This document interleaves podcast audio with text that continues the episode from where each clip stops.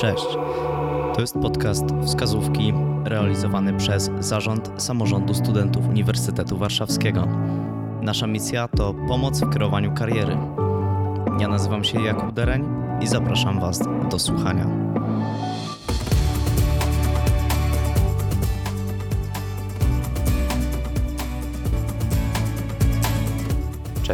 Bardzo się cieszę, że tutaj trafiłeś. Natomiast na samym początku chciałbym zaznaczyć, że jest to druga część naszej rozmowy, więc jeśli nie słuchałeś tej pierwszej, to zapraszam Cię do jej odsłuchania.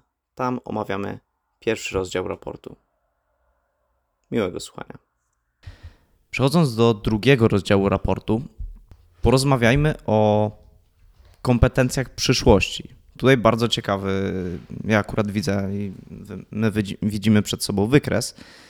E, no to jakie te kompetencje e, przyszłości mm, zauważamy? To jest mm, samo ocena e, kompetencji przyszłości studentów została u nas przebadana i jest to faktycznie wykres, który mnie bardzo zaskoczył, ale również mm, pokazał bardzo dużo takich ciekawych elementów, ponieważ pokolenie studentów, jakby studenci, którzy brali udział w naszym badaniu, wskazali, że inteligencję, inteligencję emocjonalną i empatię mają na bardzo wysokim poziomie. I to jest jakby naj, naj, najdłuższy słupek w naszym wykresie, co czyni mnie osobą bardzo dumną, ponieważ empatia jest podstawą do tworzenia po prostu e, świadomego i sprawiedliwego społeczeństwa. Kolejne rzeczy to są umiejętność współpracy, logiczne myślenie i analiza, efektywne komunikowanie, krytyczne myślenie, łatwość uczenia się. No to to są kompetencje miękkie, które są kluczowe dla rozwoju um, organizacji. Gorzej jest z zarządzaniami, zarządzaniem zasobami ludzkimi, zarządzanie zasobami finansowymi, umiejętność zarządzania swoim czasem i jakkolwiek moim zdaniem to są takie cechy miękkie, kompetencje miękkie, które są rzeczami, które muszą iść z czasem. Wydaje mi się, że nie można powiedzieć, że umiem zarządzać zasobami ludzkimi w wieku 20 lat, ponieważ to jest moim zdaniem kompetencja, której trzeba całe życie się uczyć. I ja myślę, że nawet 60-latek nie powinien mówić, że umie zarządzać zasobami ludzkimi.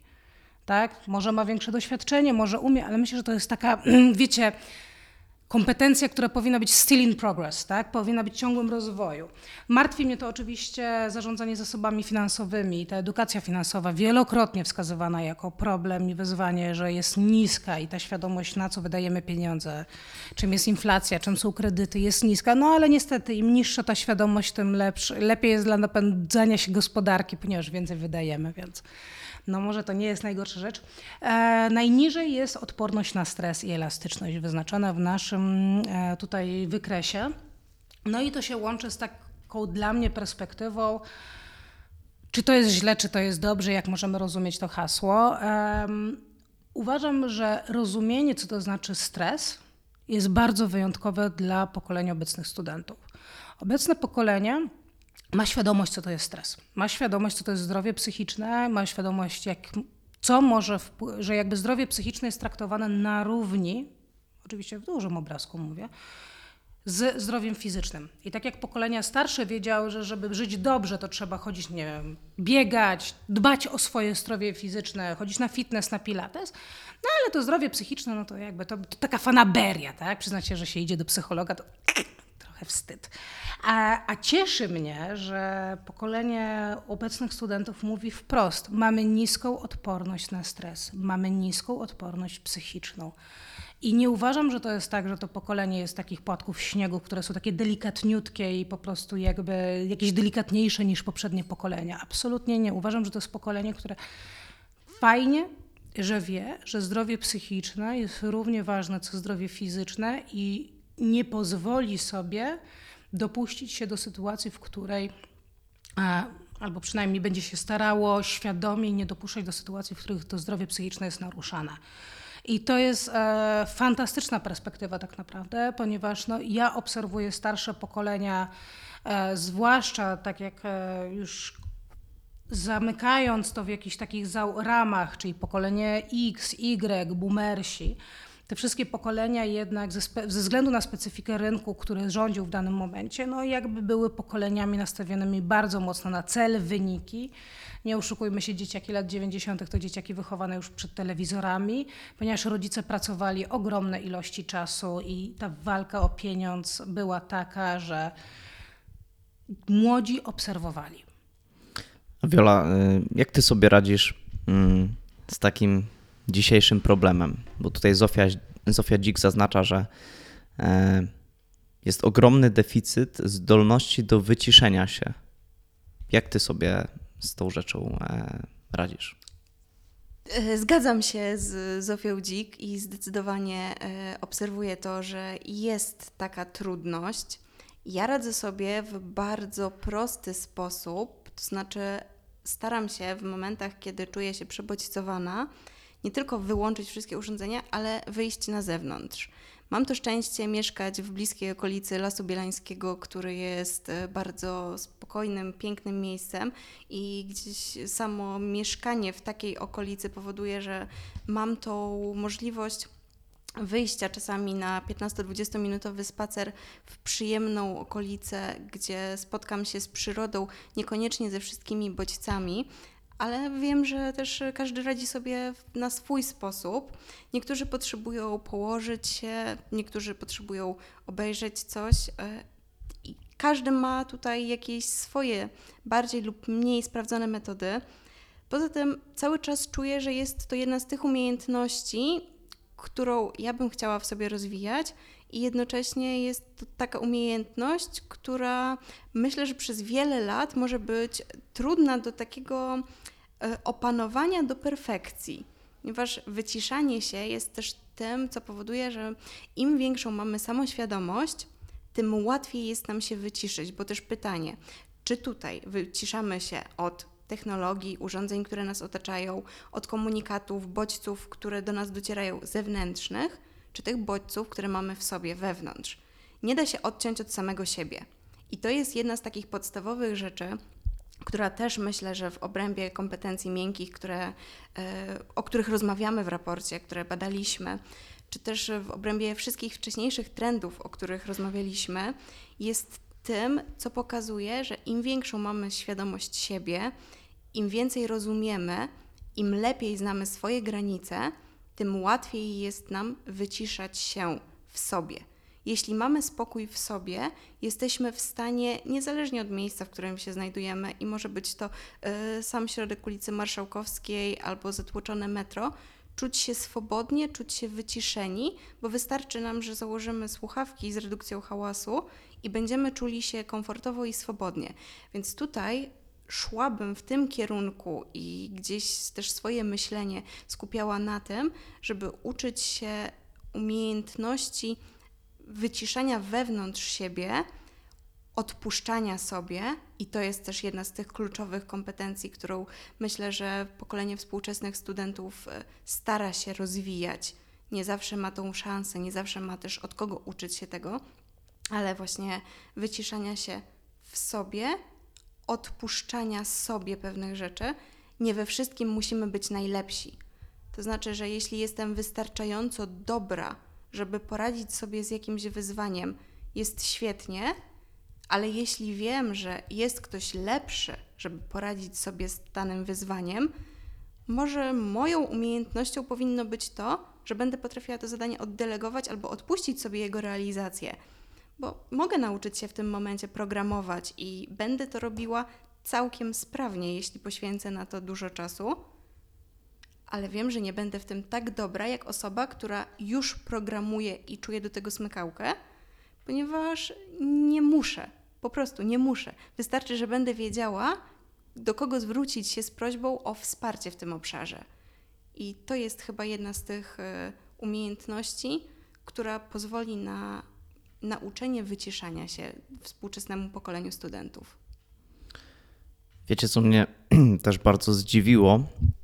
Yy, W zasadzie ten wynik, yy, ile osób o- jakby ocenia sytuację, dzisiejszą sytuację na, na świecie jako stabilną, no bo tutaj aż 86% yy, z Waszych badanych obawia się tego, jakim miejscem będzie świat w przyszłości. Jeszcze dla przypomnienia, yy, ile osób yy, brało udział w ogóle w całym, yy, w całym raporcie, ile zostało przebadanych? Mm, Raport składał się z kilku poziomów. Pierwszym poziomem były e, wywiady fokusowe z 6-10 osobową grupą studentów, które pozwalały nam, wiecie, zbudować tą perspektywę, o czym chcemy rozmawiać. Następnie były równolegle badania KAWI, czyli ankieta internetowa bardzo rozbudowana, którą wypełniło bl- blisko 500 osób, tam 480-490 oraz 12 rozmów z ekspertami i to wszystko zostało znowu zamknięte badaniem fokusowym, gdzie jakby odbijaliśmy perspektywę tego, co powiedzieli studenci. Ja bardziej jestem w szoku, że, 8, że 10% powiedziało, że nie boi się, jakim miejscem będzie świat dla mnie, moich bliskich i znajomych. E, Aż 10%. em, co Dziesiąta osoba mówi, że się nie boi. No ja osobiście się boję tego, co nas spotka i wydaje mi się, że chyba każdy z nas odczuwa jednak pewien rodzaj lęku, jak myśli o świecie za 5-10 lat. I jest to normalne, to jest po prostu część naszej obecnej rzeczywistości, że jakby te zmiany, e, które się dzieją, wzbudzają w nas mocny niepokój, zwłaszcza, że myślenie o przyszłości jest związane z myśleniem nie tylko o sobie, ale na, o naszych bliskich. Już nie tylko o nas samych, tylko o naszej rodzinie, naszych potencjalnych dzieciach. A nawet jeżeli nie dzieciach, to jakimś naszym komforcie, tego po prostu jakby stabilności za 10-20 lat. No i nie oszukujmy się, ten właśnie świat WUKA, w którym obecnie żyjemy, tej ciągłej zmienności, niestabilności. Ale czy myślicie, że tak nie było trochę jakby, no nie wiem, nie mówię, że zawsze, no ale powiedzmy kilkadziesiąt lat temu, no bo myślę, że też ludzie się obawiali, na przykład w tym okresie między pierwszą a drugą wojną światową. Czy nie myślicie, że też bali się ciągle o swoją przyszłość? Myślę, że tutaj mamy troszeczkę zmianę tego rodzaju, że jakby strach o przyszłość i o rzeczywistość zawsze był. To jest jakby część elementu przetrwania człowieka jako rasy, tak?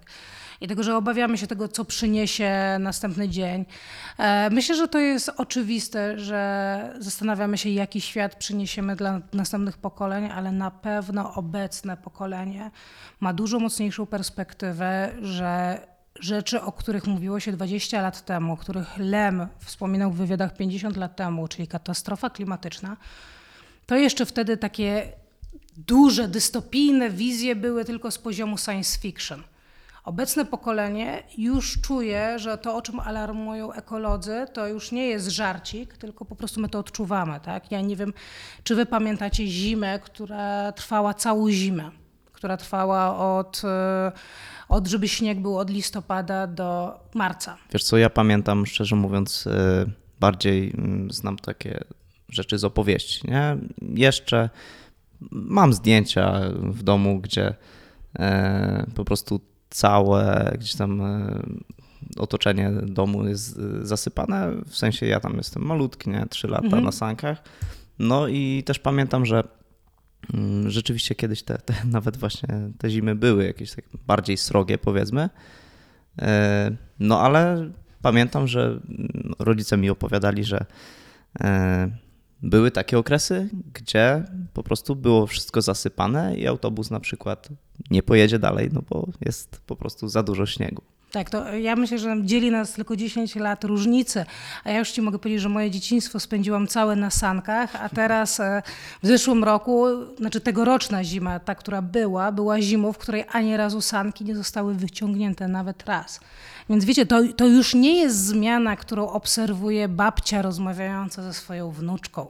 To są zmiany, które obserwują ludzie, którzy jakby 5-6 lat doświadczenia na nas widzi, więc to są już zmiany tak prędkie i tak realne, że myślę, że to jest potężne doświadczenie dla obecnego pokolenia takiego dyskomfortu.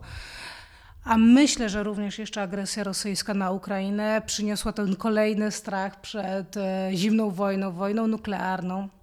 Na razie mamy taki moment wyciszenia, że oczywiście wiemy, że to się dzieje, ale, ale nie, nie martwimy się tak jak jeszcze, czy to był luty, czy marzec.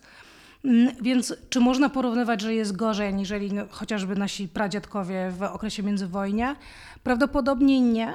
Prawdopodobnie to jest ciągły taki strach. To, co najbardziej nas różni od okresu międzywojnia, że my w tym momencie mamy w, cały czas w kieszeni, w, na zegarku, na nadgarstku e, informacje. Jesteśmy bombardowani informacjami, a informacje, żeby były czytane, mają charakter clickbaitowy, więc my jesteśmy cały czas, żyjemy w kulturze strachu.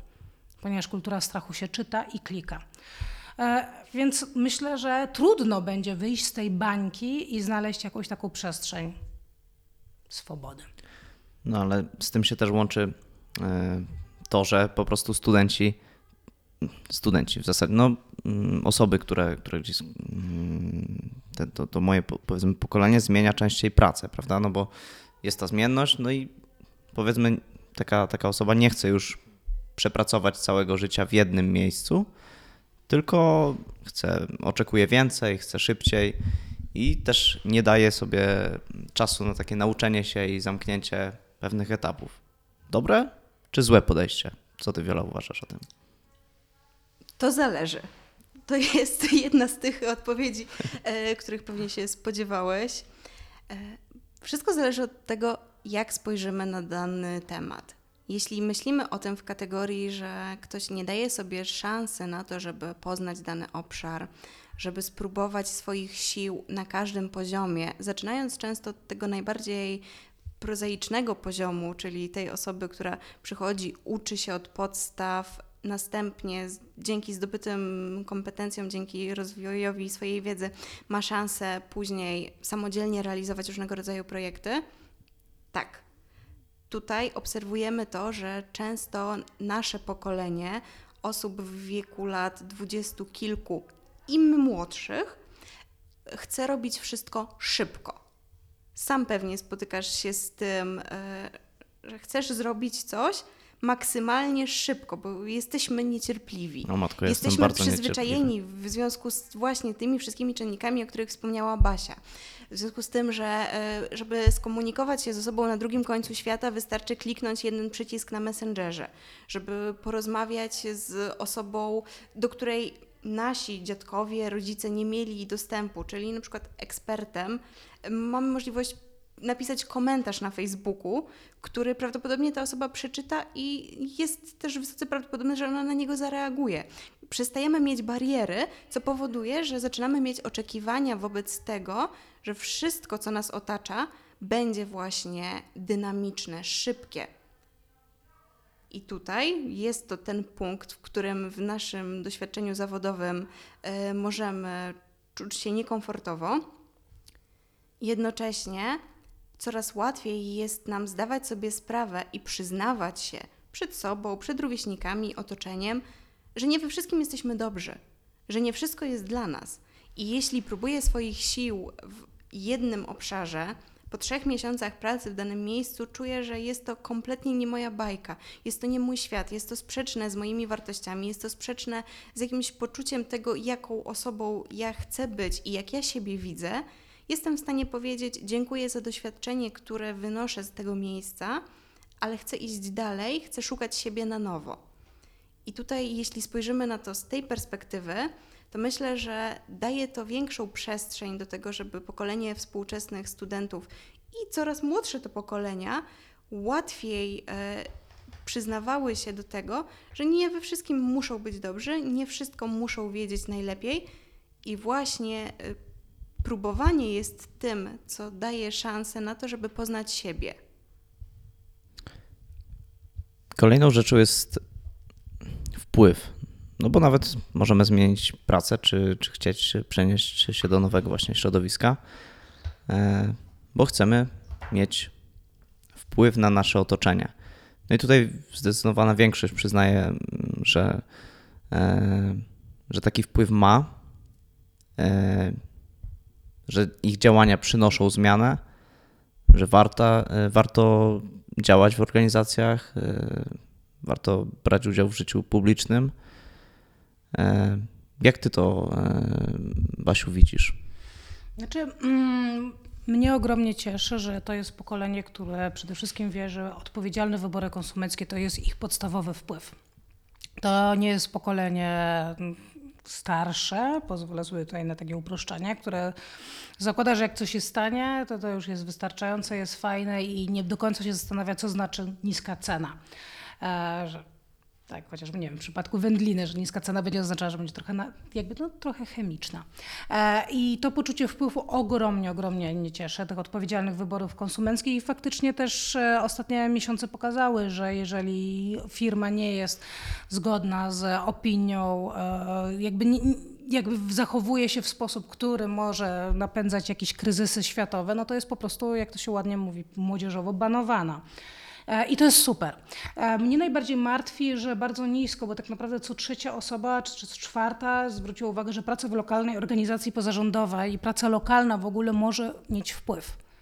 Czyli trochę nie mamy takiego poczucia, że to pokolenie nie ma, studenci nie mają zaufania do tego, że mogą mieć taki, wiecie, realny, fizyczny wpływ. Że mogą mieć wpływ ja jako konsument, ale ja jako człowiek może trochę mniej. Okej, działalność polityczna jest, co druga osoba uważa, że działalność polityczna może mieć wpływ, aktywizm i wolontariat tak, ale już na przykład z sensu stricte praca, wykonywanie czynności, a nie tylko no, aktywizm, wolontariat, no to są chwilowe działania, aktywności czaso, tak,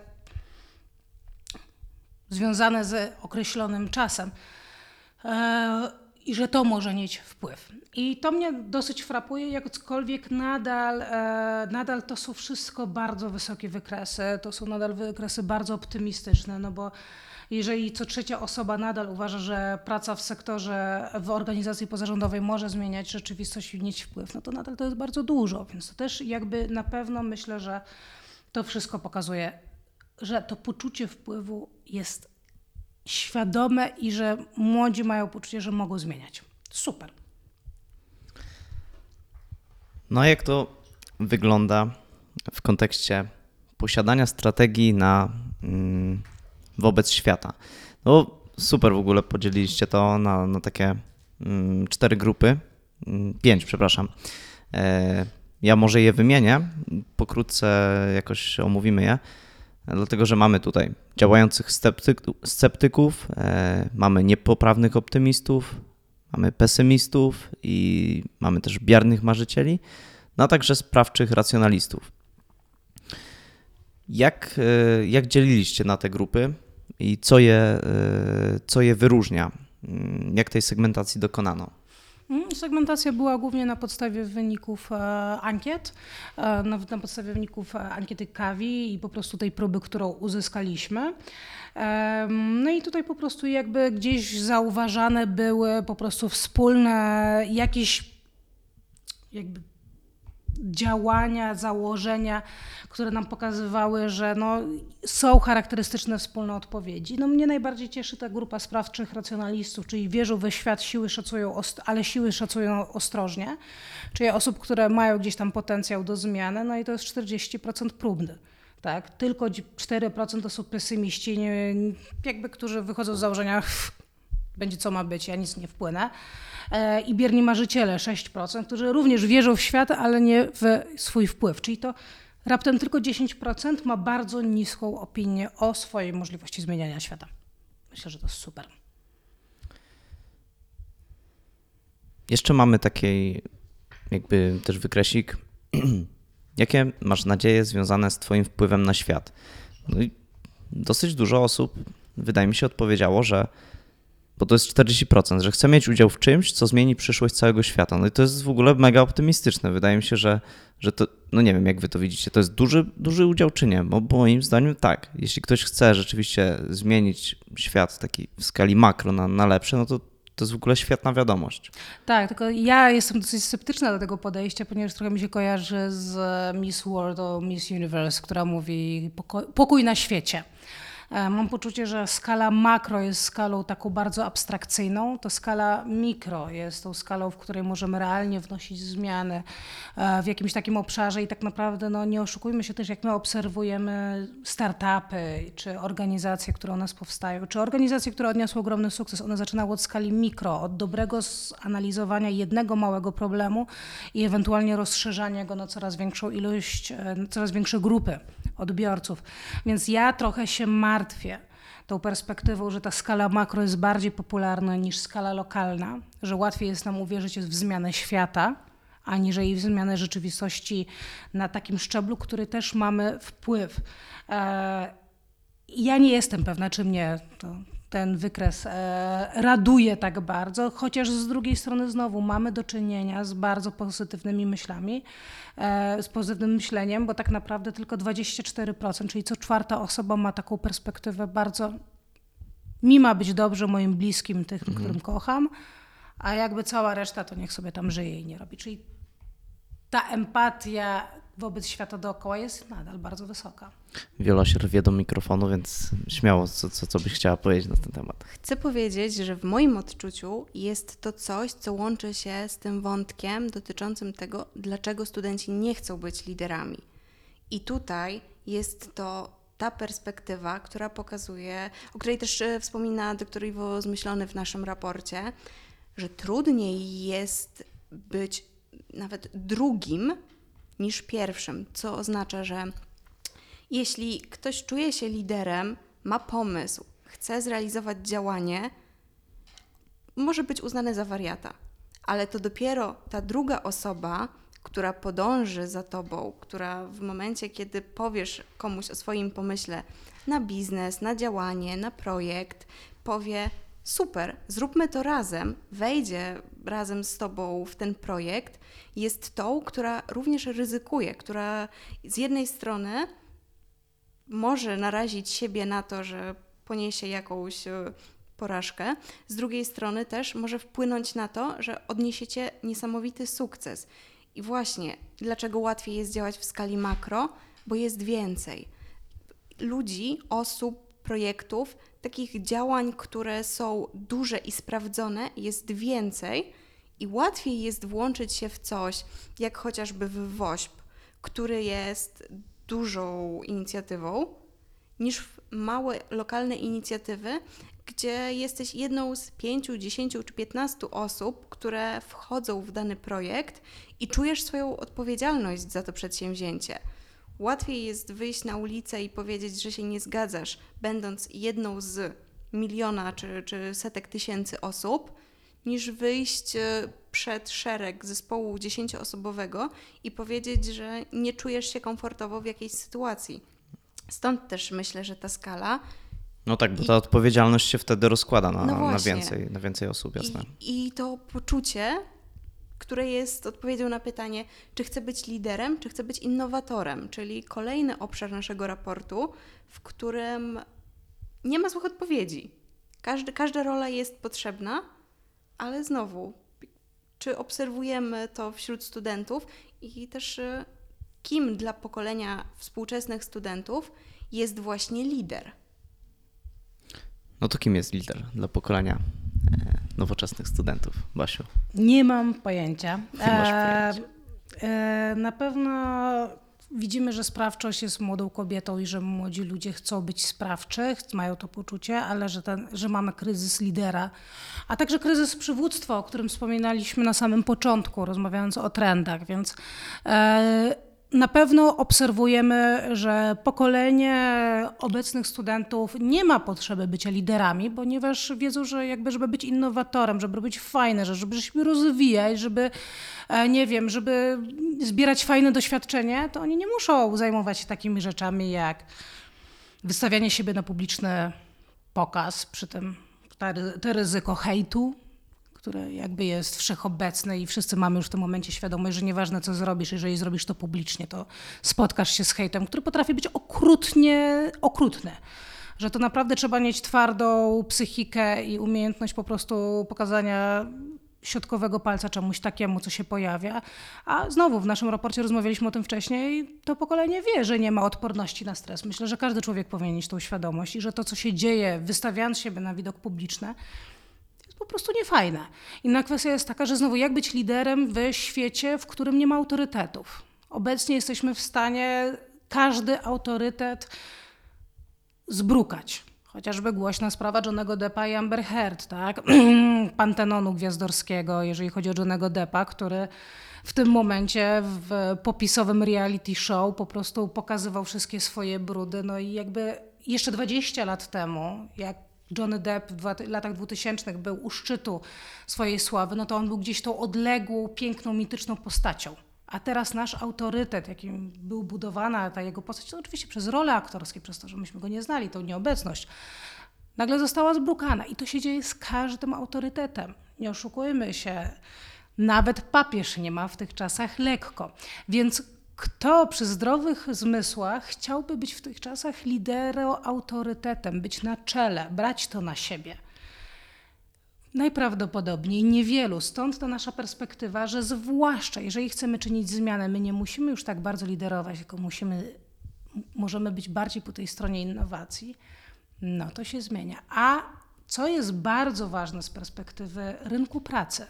Nasz obecny model biznesowy w większości organizacji jest taki, że pniesz się po szczeblach kariery, a każdy kolejny szczebel kariery niekoniecznie oznacza, że masz bardziej odpowiedzialne zadania, jeżeli chodzi o Twój obszar. Na przykład, nie wiem, dzisiaj programujesz łatwe rzeczy, a za tydzień trudne rzeczy. Oczywiście śmieję się, upraszczam, tak? Ale bardzo często, jakby w, może w programowaniu tak jest, ale w większości obszarów to jest zwiększanie zarządzania zespołami i zasobami ludzkimi. I, jakby I tu musisz mieć te umiejętności miękkie. umiejętności miękkie, które jakby na szczęście korporacje bardzo fajnie teraz wspierają, rozwijają, no ale jeżeli je, mamy model takiego rozwoju zawodowego, że żeby zdobywać kolejne szczeble, to masz pod sobą coraz więcej ludzi, a ty jako młody człowiek masz świadomość, że zarządzanie ludźmi wcale nie jest takie fajne, ponieważ jakby w obecnej dobie każdy twój błąd może być napiętnowany i znowu historia z Oscarów. Po 15 latach wyciągnięty twój tweet, za który tracisz możliwość prowadzenia Oscarów, kiedy miałeś jeszcze inną opinię. W tych czasach ta, ten lider będzie się zmieniał, ten model przywództwa się musi zmienić. Musi, ponieważ jakby młode pokolenie bardzo świadomie sobie już na pewne rzeczy nie pozwoli. No okej, ale to, to jest tak, że nie możemy się już, y, nie możemy korzystać z tych rad poprzednich y, pokoleń? Czy, czy powinniśmy wyciągać, y, jeśli chodzi oczywiście mi, y, chodzi mi o ten temat liderowania, no bo e, tak, tak się uśmiechnąłem na początku, dlatego że ja mam nawet w swoim podcaście takie, takie pytanie zawsze pada, co charakteryzuje dobrych liderów, nie? Co, co młodzi ludzie powinni robić, żeby być dobrymi liderami. No to co? To całkiem wyrzucić te, te wszystkie stare rzeczy i na nowo, na nowo to budować? E, nie, oczywiście jakby. Znaczy przede wszystkim to jest tak, że to jest trochę niewiadome. Nie wiadomo jak, jak to teraz, wiecie, zbudować. Okej. Ja nie mam odpowiedzi na to pytanie. Jak miałby teraz wyglądać dobry lider? E, osoba, która jakby z jednej strony marzy mi się taka perspektywa lidera autentycznego, jakiego buduje chociażby premier Finlandii. E, tak, to jest taki premier autentyczny, szczery, będący jakąś taką osobą charakterystyczną, ale z drugiej strony, no, też nie jest bez skazy. Więc kim ma być obecny lider? No, ja wierzę w tą autentyczność i w to znajdowanie szczerości w sobie, umiejętności mówienia, ja jestem tylko człowiekiem. Nie oczekujcie ode mnie, że ja będę znał odpowiedzi na wszystkie pytania, że będę wiedzieć, jak pewne rzeczy zmieniać, albo że będę potrafiła, potrafił z każdą strukturą zawalczyć w imię waszego dobra. Ale to jest znowu Nie wiadomo, tak? ogromna niewiadoma. Ogromna niewiadoma i myślę, że to też jakoś to nasze pokolenie studentów, które badaliśmy, pokazuje, że no po co być liderem?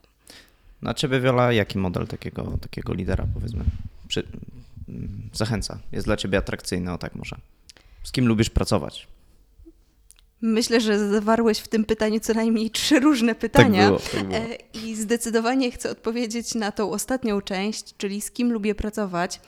Lubię pracować z ludźmi otwartymi i uważam, że to jest jedna z podstawowych cech e, dobrego lidera, czyli otwartość. Otwartość, która jest e, bardzo autentyczna, nie pozorna, nie deklarowana, tylko ta otwartość, która z jednej strony jest szansą na poznawanie świata, daje możliwość zdobywania nowych wiadomości, a jednocześnie jest otwartością na drugiego człowieka, jest szacunkiem do drugiego człowieka, jest otwartością na odmienność i nawet jeśli czegoś nie rozumiem, jeśli nie ze wszystkim się zgadzam, chcę to szanować i właśnie tutaj celowo używam słowa szanować nie tolerować, bo akceptacja czy tolerancja od razu kojarzy mi się z takim negatywnym wydźwiękiem mówiącym o tym, że coś jest niezgodne ze mną, z moimi przekonaniami, ale ja to toleruję. tak jak toleruję pająka w rogu y, gdzieś w, akurat tutaj, Właśnie tutaj tak się zacząłem rozglądać. Nie? E, Akurat e, z moją fobią do pająków e, wychwytuję je wszystkie, więc czasami zdarza się, że w jakimś miejscu toleruję tego pająka, który znajduje się 50 metrów ode mnie.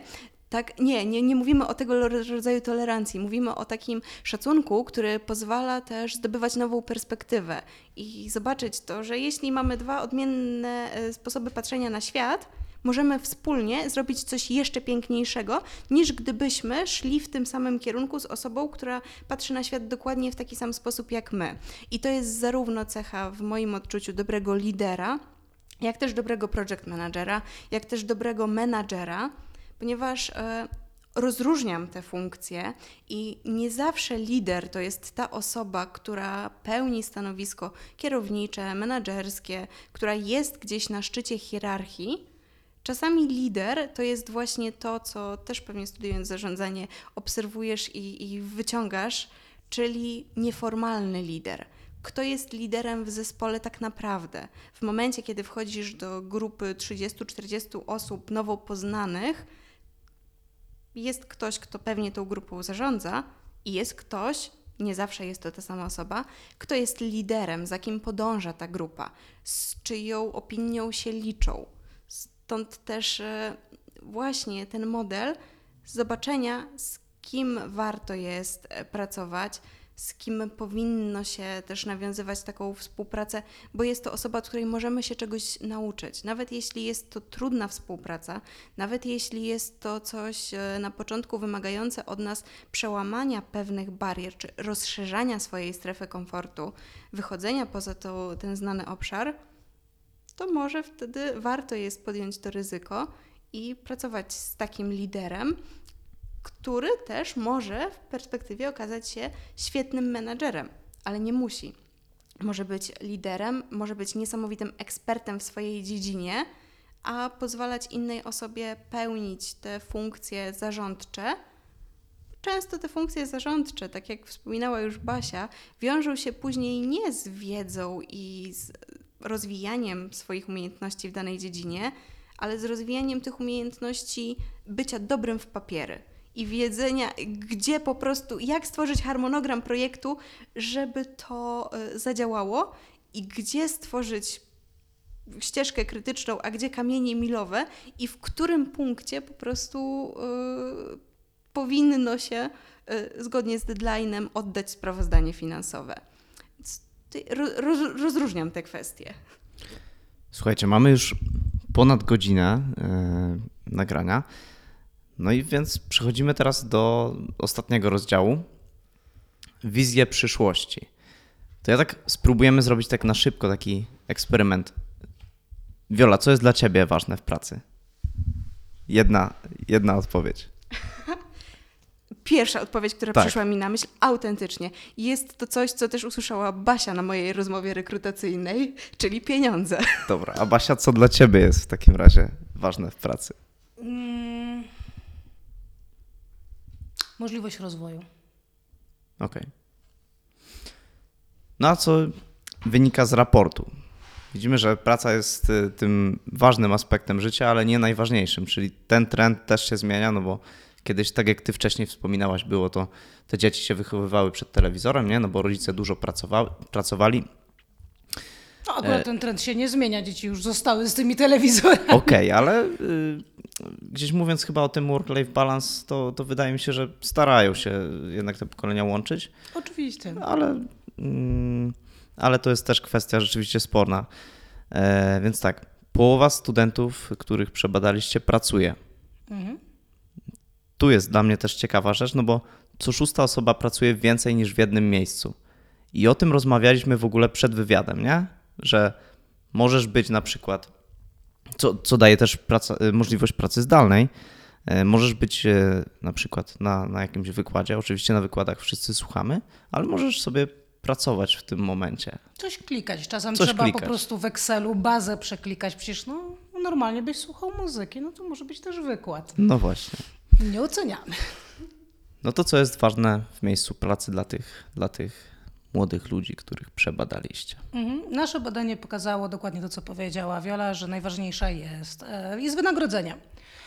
Ja mam poczucie, że to jest pokolenie bardzo pragmatyczne e, i bardzo z tego powodu się cieszę, no bo jakby praca pracą, ale forsa się musi zgadzać, zwłaszcza w okresie, kiedy inflacja szaleje, wysokość kredytów, a przede wszystkim to pokolenie bardzo ma dużą potrzebę, polskie pokolenie, bo myślę, że tutaj trzeba by zrobić rozgraniczenie między różnymi krajami, szybkiego e, po prostu usamodzielnienia się.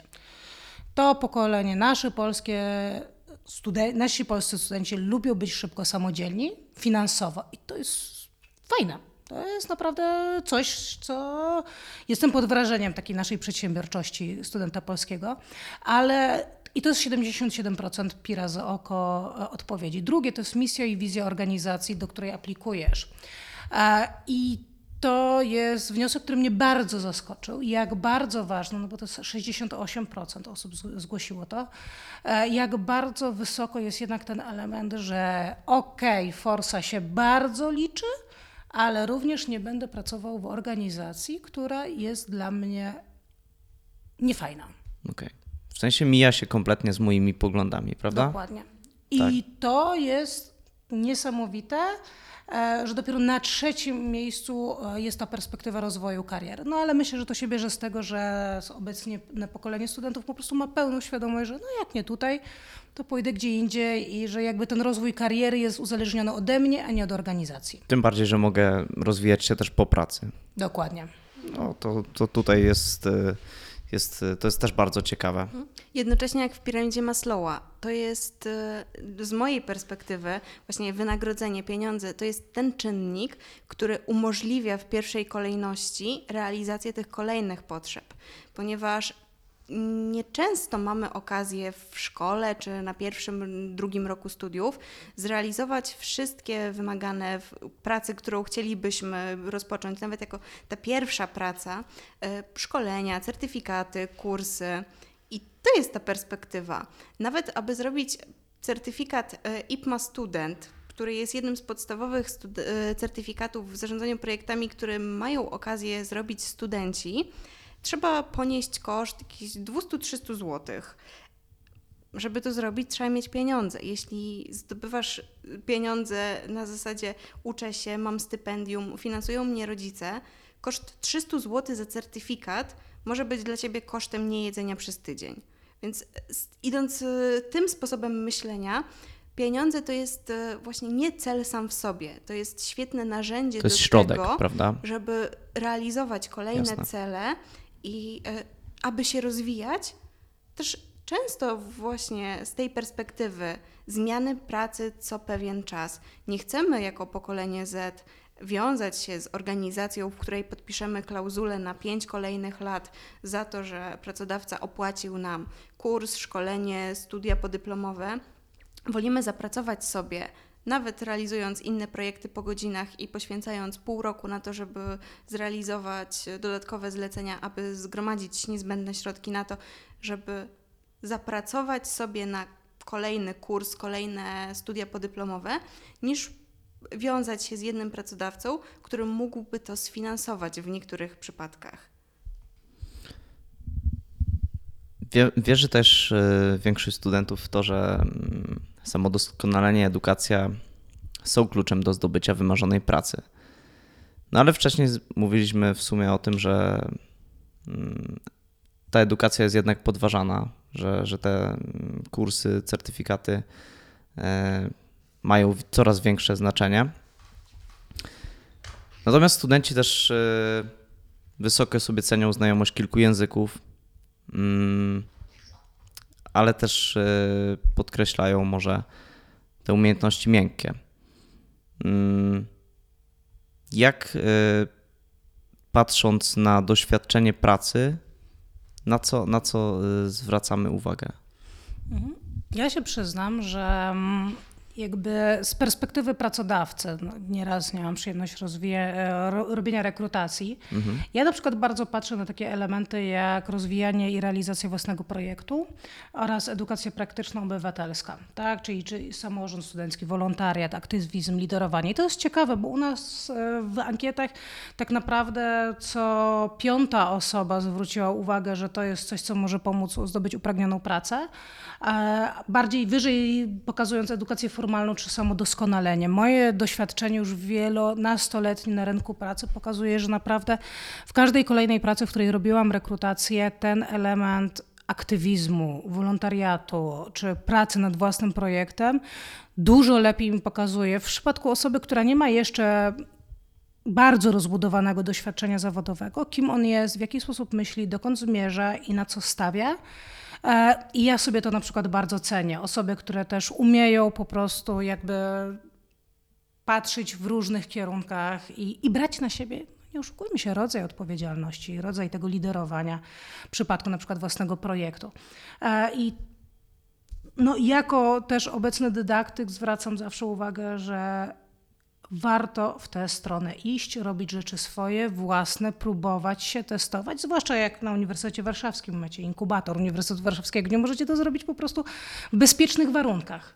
Tak, jeszcze bez większego obciążenia finansowego. Warto próbować, bo to jest doświadczenie, jakby w obecnych czasach, kiedy ta wiedza, przepraszam, ale leży na stole w naszym smartfonie, no nawet sam Instagram, TikTok, już nawet nie YouTube potrafi być taką kopalnią wiedzy na temat zarządzania firmą, finansami, projektami, to jakby ta wiedza jest dla nas dostępna w metrze, w przejściu. Jak się zapatrzę na komórkę, to ja mogę zdobywać wiedzę, ale doświadczenia to trzeba dotknąć, trzeba spróbować. Ja mogę być geniuszem w tym, jak budować konto na Instagramie, ale dopóki sama tego nie dotknę i nie okaże się, że no okej, no fajnie, no to trochę nie mam do tego cierpliwości.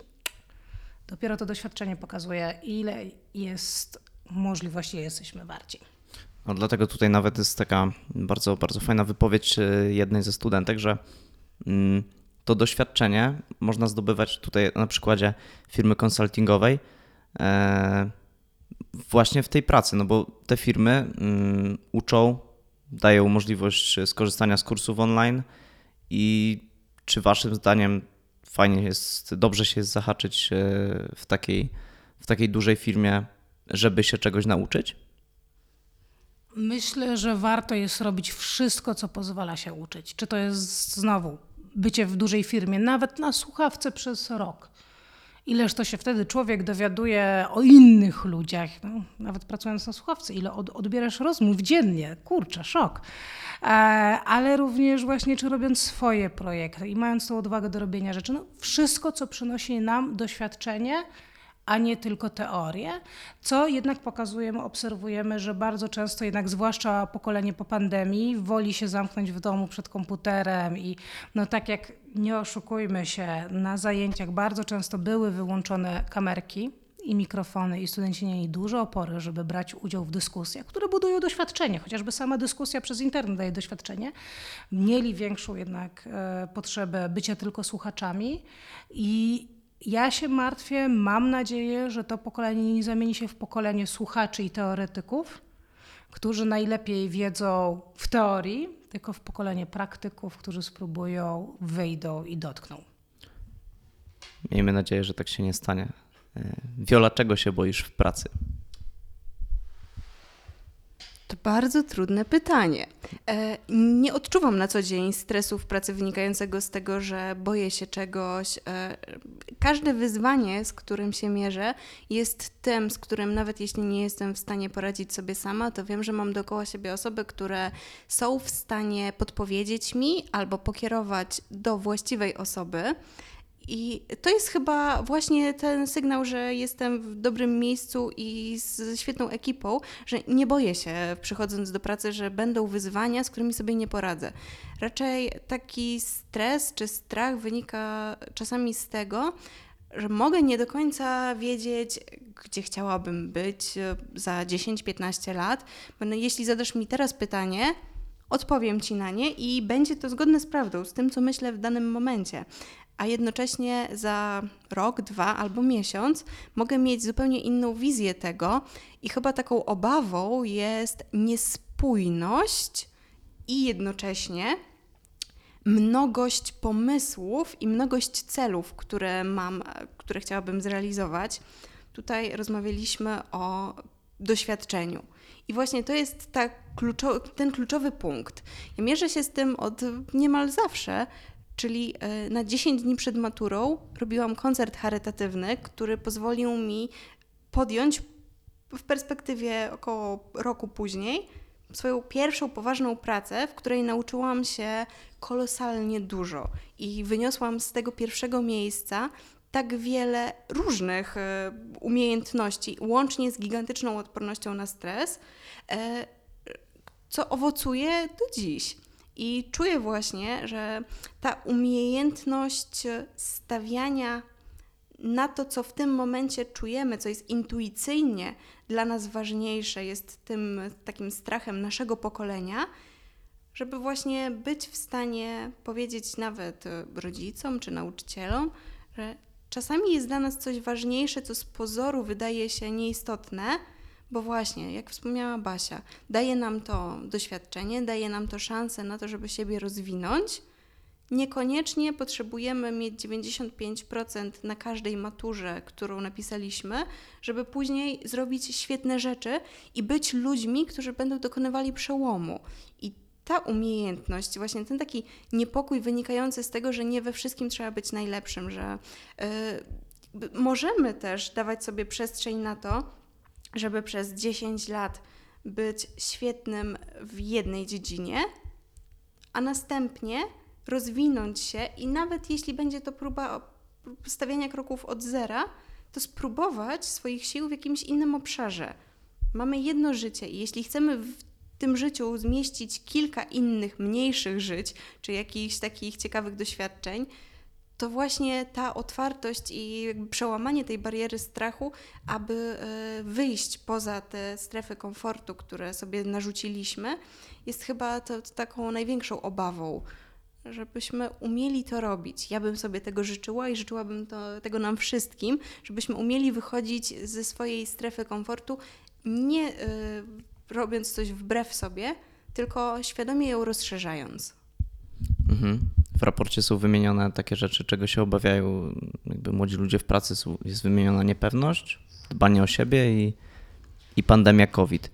Natomiast ja bym chciał już przejść do, do tego tematu, w zasadzie odpowiedzi na pytanie, czego nie zaakceptuję w przyszłej pracy. No i co tutaj mamy? Znaczy na pierwszym e, miejscu bezapelacyjnie pojawiło się hasło dyskryminacja, mobbing, nierówne traktowanie. Ja, ja byłam w szoku, e, przyznam się, ponieważ tak jak obserwowałam takie raporty wykonywane, nie wiem, 10 lat, 15 lat wprzed, to było raczej elementy takie jak, nie wiem, inne, tak? Brak możliwości awansu, nie wiem, rozwoju. E, ta dyskryminacja, mobbing stanęła bardzo wysoko teraz e, w ostatnich latach na podium. Jest taką perspektywą tego, że to pokolenie no po prostu nie daje sobie kaszy w dmuchać i super. Tylko, że to też również jest bardzo mocna informacja dla pracodawców, e, że skończyło się, jak to się mówi brzydko, rumakowanie, tak? Trzeba mieć świadomość, że jakby, ben, jakby to pokolenie będzie walczyło o to, żeby mieć ten work-life balance. No, działa to w różne strony, tak jak każda rzecz, tak, oskarżenia o mobbing działają w dwie strony, tak też pytanie, kiedy to jest realnie mobbing i dyskryminacja, a kiedy nie jest. Jakkolwiek fajnie, że to zaczyna być już takim elementem codzienności, a nie taką tajemnicą, wielkim sekretem, tudzież E, nie pojawiają się. Nieetyczna praca sprzeczna z wartościami. To mnie bardzo również cieszy, czyli że coraz większa ta świadomość tego, że firma i organizacja musi też brać odpowiedzialność za to, jakie wartości reprezentuje, chociaż ma to swoją taką niebezpieczną perspektywę e, tego, że tak jak już żyjemy w świecie baniek, które są naciągane na nas przez media społecznościowe, E, to jest ryzyko, że i korporacje przestaną być takim miejscem, w którym jakby mogą się spotykać osoby różnych zupełnie wierzeń, wiedzy, opinii, ponieważ przecież mają do wykonania pracę. praca jest tak trochę nadrzędna w pewnych momentach. No, jeżeli mam sprzedać odkurzacz, to sprzedaję odkurzacz, e, a nie, że ja jestem, nie wiem, chrześcijaninem bez lewej stopy który sprzedaje odkurzacz. Nie jestem sprzedawcą odkurzacza. I że ten taki element trochę bezpiecznego świata, gdzie jesteśmy rozliczani według tego, co robimy, a nie tego, co myślimy, zacznie się trochę zacierać. E, No więc zobaczymy, w którą stronę to pójdzie, ale tak jak właśnie korporacje mówią wielkie hasła Month Pride i budują swoją wizję na temat w kwestiach po prostu tej takiego wspierania społeczności LGBT+, to jest z jednej strony bardzo fajne i ważne, Ale czy czasem to nie jest po prostu zbyt napompowane po prostu dla, dla samej reklamy? Czy nie myślisz, że tak to czasem jest, jest? Jak w ogóle myślę z tej perspektywy, to aż mam dreszcze i robi mi się niedobrze, jak widzę, że ta bycie organizacją sprzyjającą pracownikom e, społeczności LGBT+, nagle zaczyna za- robić z nich reklamę i zaczyna sprzedawać Ale to, to jak samo nawet produkt. w aspekcie ekologii. Tak, Tak, tak greenwashing. tak. To, to są okropne, okropne działania, gdzie naprawdę mam takie, po prostu ju- ju- już mnie tak po prostu takie rzeczy obrzydzają, ale to, co mówię, kolejna rzecz, czy takie po prostu też działania nie powodują, że powstaje trochę bardzo jakby mocna reprezentacja firmy, co na przykład spotkała Netflix e, chyba rok temu, czy około pół roku temu po występie pewnego komika, który e, w swoich żartach e, sobie pozwalał na e, podśmiewywanie się. No już tu nie będę oceniała kompletnie jakości jego żartów, ale chodzi mi o to, że jakby okazało się, że w Netflixie wśród pracowników jest bardzo mocna reprezentacja osób, którym to nie odpowiadało. No i jakby już wchodząc w zupełnie inny obszar dyskusji, pojawia się taki element, że po prostu jakby widzimy, że w organizacjach pojawiają się kolejne bańki. Czy to dobre, czy to złe, nie mi oceniać. Czy ci pracownicy w tamtym przypadku nie mieli prawo tak reagować, a czy Netflix powinien być usunąć tego komika, to zupełnie inny dyskurs, zupełnie inna dyskusja, nie na dzisiaj. Bardziej mi tylko chodzi o to, że to takie dążenie do kompasu moralnego w organizacji jest super, ale może być również wajchą w drugą stronę i zamykaniem się nas po raz kolejny na osoby z otoczenia, bo zaczynamy się rozdzielać po kompasie moralnym, a to jest tylko kompas. A powiedz mi teraz ty, Wiola, z którymi z tych wymienionych rzeczy ty najbardziej się, z którą z tych wymienionych rzeczy najbardziej się utożsamiasz? Z czym jako przedstawicielka pokolenia Z się najbardziej nie zgadzam, czego ja nie zaakceptuję, to myślę, że zdecydowanie ten punkt pierwszy, czyli dyskryminacja, mobbing i takie nierówne traktowanie jest tym, na co nie godzę się jako człowiek, dlatego że nie ma, jeś, jeśli jesteśmy w zespole i jeśli mamy różne opinie, to y, mogę nie zgadzać się z opinią, ale wtedy wyrażam to w kulturalny sposób, w taki sposób, żeby nie dotknąć drugiego człowieka. Bo za każdym człowiekiem idzie historia. Nigdy nie wiemy, co kryje się za jednym, dwoma, pięcioma zdaniami, które ktoś wypowiedział nie w takim tonie, w jakim my chcielibyśmy to usłyszeć. Także zdecydowanie ta otwartość właśnie, o której mówiłam, na perspektywę drugiej osoby, na to, żeby rozumieć, starać się szanować wszystkie odmienne od nas wartości, to jest coś, z czym się nie zgadzam. Ale tak e, jakby na drugiej e, stronie, gdzieś po drugiej stronie tego kija, jest to, czego również nie lubię w pracy, czyli praca bez sensu. Takie zadania, które e, trzeba zrobić, trzeba wykonać, nikt nie wie po co. I nie dlatego, że są to zadania stricte formalne. Mam to doświadczenie e, pracy w, przez wiele lat w różnych sektorach, e, w jednostkach z sektora publicznego, gdzie na przykład formalności są tym obszarem, który pochłania masę czasu. I nie mam tu na myśli tego rodzaju działań, bo nie mnie oceniać, czy te formalności są uzasadnione, potrzebne i w jaki sposób one przebiegają, ale takiego zakresu działań, kiedy ktoś mówi, że nie da się. A dlaczego się nie da? Bo nikt nie próbował. Dlaczego nikt nie próbował? Bo ktoś powiedział, że się nie da. I koło się zamyka. Więc tutaj taka praca bez sensu, takie działania, albo dlaczego coś tak robimy? Bo tak robimy od zawsze. I to jest argument, który nagle powoduje, że powinniście to rozumieć. No przecież robimy tak zawsze i w czym widzicie problem? E, A to, że to jest e, niezgodne ze wszystkimi e, zdroworozsądkowymi jakimiś argumentami, Kto by na to zwracał uwagę? Jeśli mamy czas, mamy zasoby, zróbmy to w ten sposób, bo tak robimy od zawsze. Więc to są chyba te rzeczy, których e, nie, nie chcę akceptować w pracy, ale wolę skupiać się na tym, co, co w tej pracy jest e, dobre, jaka jest, jaki jest sens tej pracy. I to jest właśnie jeden z kolejnych punktów w raporcie, czyli ta wizja. Tak, bo to tutaj jak mamy- widzimy Mhm. i jak chcemy zmieniać otaczającą nas rzeczywistość, żeby ta praca nie była e, takim pomysłem, że nie mam na nic wpływu, nie mogę nic zrobić, tylko lubię to, co robię i daje mi to perspektywę zmiany świata. Tak, wiecie co, bardzo mi się podoba właśnie w tym raporcie to, że tutaj jest taki, no przynajmniej ja tak zauważam, to jest ciągły dialog, nie? Że tutaj jest odpowiedź i mamy takie, takie, takie problemy, yy, przepraszam, pytanie, no i odpowiedź jest, później studenci odpowiadają, tak? Mamy, chcemy, mm, żeby praca miała sens, chcemy mm, też często być yy, samozatrudnieni, Mm, Tryb pracy też yy, jest, jest dla nas, yy, no, zmienia się. No, jesteśmy gotowi na zmiany. Co o tych aspektach, o tych nowych wizjach pracy studentów możesz, Basiu, powiedzieć? Mm, Tak naprawdę myślę, że tutaj mamy, obserwujemy bardzo pół na pół. Okej. Tak, połowa chce pracy zdalnej, połowa, połowa pracy w biurze, połowa pracy na własny rachunek, praca u kogoś, instytucja publiczna, prywatna, nie wiadomo. No tutaj jakby no, każdy tak y, prywatnie. To, co najbardziej zwróciło moją uwagę w tym wszystkim, to tryb pracy, że szef traktuje po partnersku, ale nie ma większego doświadczenia, aniżeli tylko 30% zgłosiło, że szef nie znosi sprzeciwu, e, ale można się od niego wiele nauczyć. Więc tutaj jest e, taka perspektywa, która mnie zaskoczyła, e, że jest to pokolenie, które już tak mniej chętnie, e, mniej chętnie e, akceptuje takiego lidera z nadania, a przede wszystkim chce mieć tą przestrzeń do tej partnerskiej relacji e, i, i takiej rozmowy. Została nam tak naprawdę ostatnia strona raportu, dwie ostatnie strony. E, I to są, to są te, te pięć osób, to jest tych pięć osób, tych person, które, które wyróżniliście.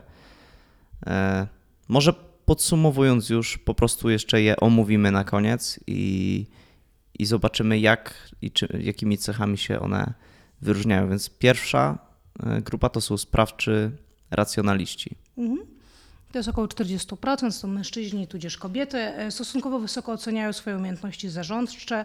Niewielka grupa chce się skupić tylko na sobie i swojej rodzinie, większość zaś ceni działania lokalne, czyli tak jak rozmawialiśmy wcześniej o tej skali mikro. E, I to są osoby, które dla nas z perspektywy inkubatora są bardzo cennymi osobami, żeby poznać i się z nim zaprzyjaźnić, bo są to osoby, które biorą pod uwagę zakładanie swoich e, startupów, swoich projektów, dla których ważna jest działalność obywatelska i taka w skali mikro, czyli to są osoby, które no, najchętniej by do nas przyszły. E, Działający sceptycy to jest około 34% osób badanych. Są to głównie kobiety, które chcą zmieniać przyszłość świata, ale ale też będą wybierać grę na siebie. Jest to grupa bardzo rozdarta, która jest poczucie altruizmu i takiej e, optymistycznej wiary w świat, ale też świadomej o, świadomości ograniczenia swoich możliwości. Ale znowu są to osoby, które przede wszystkim są spragnione rozwoju kompetencji miękkich. E, Niepoprawni optymiści to są osoby, które najwyżej swoje kompetencje oceniają, są to mężczyźni, kobiety i to są e, osoby o wysokim potencjale kreatywnym, które trochę nie widzą przeszkód w rzeczywistości. E, No i takie, ja się śmieję czasem takie osoby, które mogą pójść po prostu, o, okno, dobra, przejdę z oknem. No, optymiści. E, Później mamy dwie grupy, e, najmniejsze to bierni marzyciele i pesymiści i te dwie grupy no, najniżej oceniają swoje możliwości sprawczości. I tak jak wspomniałam wcześniej, liczymy, że to jest maks 10% badanej grupy. Super. Wiecie, chyba pominęliśmy jedną rzecz. Tak teraz sobie przypominam z tego, co czytałem. Mm, Nie powiedzieliśmy o feedbacku, który, który e, ciągle jakby powinien być zapewniany ze strony e, menadżerów, prawda? Myślę, że to jest dosyć trudny i obszerny temat, o którym moglibyśmy nagrać co najmniej kolejny odcinek e, podcastu, ponieważ feedback jest tym, co myślę, że nasze pokolenie ceni, docenia i czego potrzebuje. Jednocześnie czasami brak feedbacku jest lepszy niż zły feedback, bo też e, Źle udzielony. E, Tak, źle udzielony feedback. Tutaj e, zdecydowanie jest to ten model, o którym opowiadają często trenerzy. My sami mieliśmy okazję w inkubatorze rozmawiać o tym niedawno z Dorotą Ceranką-Czajkowską, gdzie właśnie poruszamy ten temat nie zawsze potrzebnie, bo właśnie źle udzielony feedback jest gorszy niż brak feedbacku. I nasze pokolenie chce tego, potrzebuje tego i docenia informację zwrotną, tylko nie zawsze ta informacja zwrotna wpływa w takiej formie albo w takim momencie, aby realnie móc coś zmienić. Tutaj znowu odwołam się do zarządzania projektami, czyli jeden z ostatnich elementów, którym z reguły cechuje się zamknięcie projektu, to jest ewaluacja, przegadanie, rozpisanie wszystkiego, co poszło dobrze, co poszło nie tak w danym projekcie. I podobnie jest y, w zadaniach, które realizujemy. Warto jest nawet dla samego siebie, jeśli nie dostajemy tego komunikatu zwrotnego, zrobić takie podsumowanie, żeby wynieść z tego jeszcze więcej, żeby rozwijać siebie i w takiej perspektywie też do tego tematu podejść. Dotarliśmy do końca. Czy chciałybyście jeszcze dodać coś od siebie? Jakub, ja zastanawiam się od początku naszej rozmowy, w której grupie tych wymienionych e, w raporcie ty widzisz siebie. O matko. Yy, No właśnie, dlatego to ja jestem od zadawania pytań, bo kurczę, powiem wam szczerze, że jak czytałem, to nie, jakoś yy, nie, nie, nie, nie patrzyłem pod tym względem, co nie? Yy, Ja powiem tyle, że chciałbym, yy, chcę mieć realny wpływ na, na pewno na świat, dlatego że można dużo rzeczy zmienić, wiele rzeczy ciągle powiedzmy wydarza się w takim e, w taki sposób, jak zostało to przez kogoś kiedyś ustalone i tak jak Wiola powiedziałaś, że nie można tego zmienić, bo tak zawsze było, więc ja chciałbym to zmieniać. E, Dla mnie też ważne są wartości. Mm, Dlatego też, jeśli chciałbym e, gdzieś pracować, czy, e, czy nawet gdzieś e, samemu coś prowadzić, no to, to na tym aspekcie bardzo bym się skupił. Mm, Dlatego, no kurczę, nie wiem, no wy byście mi musiały powiedzieć, do kogo byście mnie zakwalifikowały, bo, bo, bo musiałbym e, jeszcze raz po prostu e, przeczytać te, te wszystkie pięć person i, i jakoś, e, jakoś się tak sam zaliczyć do którejś z nich. Na szczęście te persony absolutnie nie służą po to, żeby się samemu kolejkować i żeby wyznaczały nam jako mi, Wioli czy tobie kierunek rozwoju. To są persony bardziej do tak zwanej obsługi Tak. e, organizacyjnej, czyli takiego uświadomienia nam, że no jeżeli chcemy, szukamy osób, które chcą robić własne projekty, to gdzie by ich szukać, tak? To jest dla nas takie otwieranie oczu, aniżeli, aniżeli dla ciebie, bo, bo tak naprawdę no, kwestie zarządzania projektami nam często pokazują, czym jest persona. Persona jest narzędziem, a nie, a nie osobą. Jasne. Bardzo Wam dziękuję. E, Dla mnie to taki ważny odcinek dosyć, bo tak jak już, Wam powiedziałem przed, e, przed nagraniem, że no, mnie to otworzyło bardzo oczy, nie? No bo ja sobie choćby, choćby nagrywając y, podcast, e, troszkę będę teraz z jeszcze innej perspektywy mógł popatrzeć i troszkę inne pytania też zadawać moim gościom, dlatego że rzeczywiście te trendy się zmieniają. Moi rówieśnicy y, i jeszcze młodsze pokolenia coraz to inaczej patrzą na, na, na otaczającą rzeczywistość. I bardzo Wam dziękuję za, za, y, za rozmowę. Prawie dwie godziny nam wyszło. Mam nadzieję, że, że komuś to, to się przyda, no bo w zasadzie słuchając nas, y, jakby no, spojrzenie na raport y, w tej wersji PDF będzie dla niego tylko uzupełnieniem, no bo przy, przegadaliśmy wszystkie kwestie w nim zawarte. Mhm. Dzięki wielkie. Dzięki za rozmowę.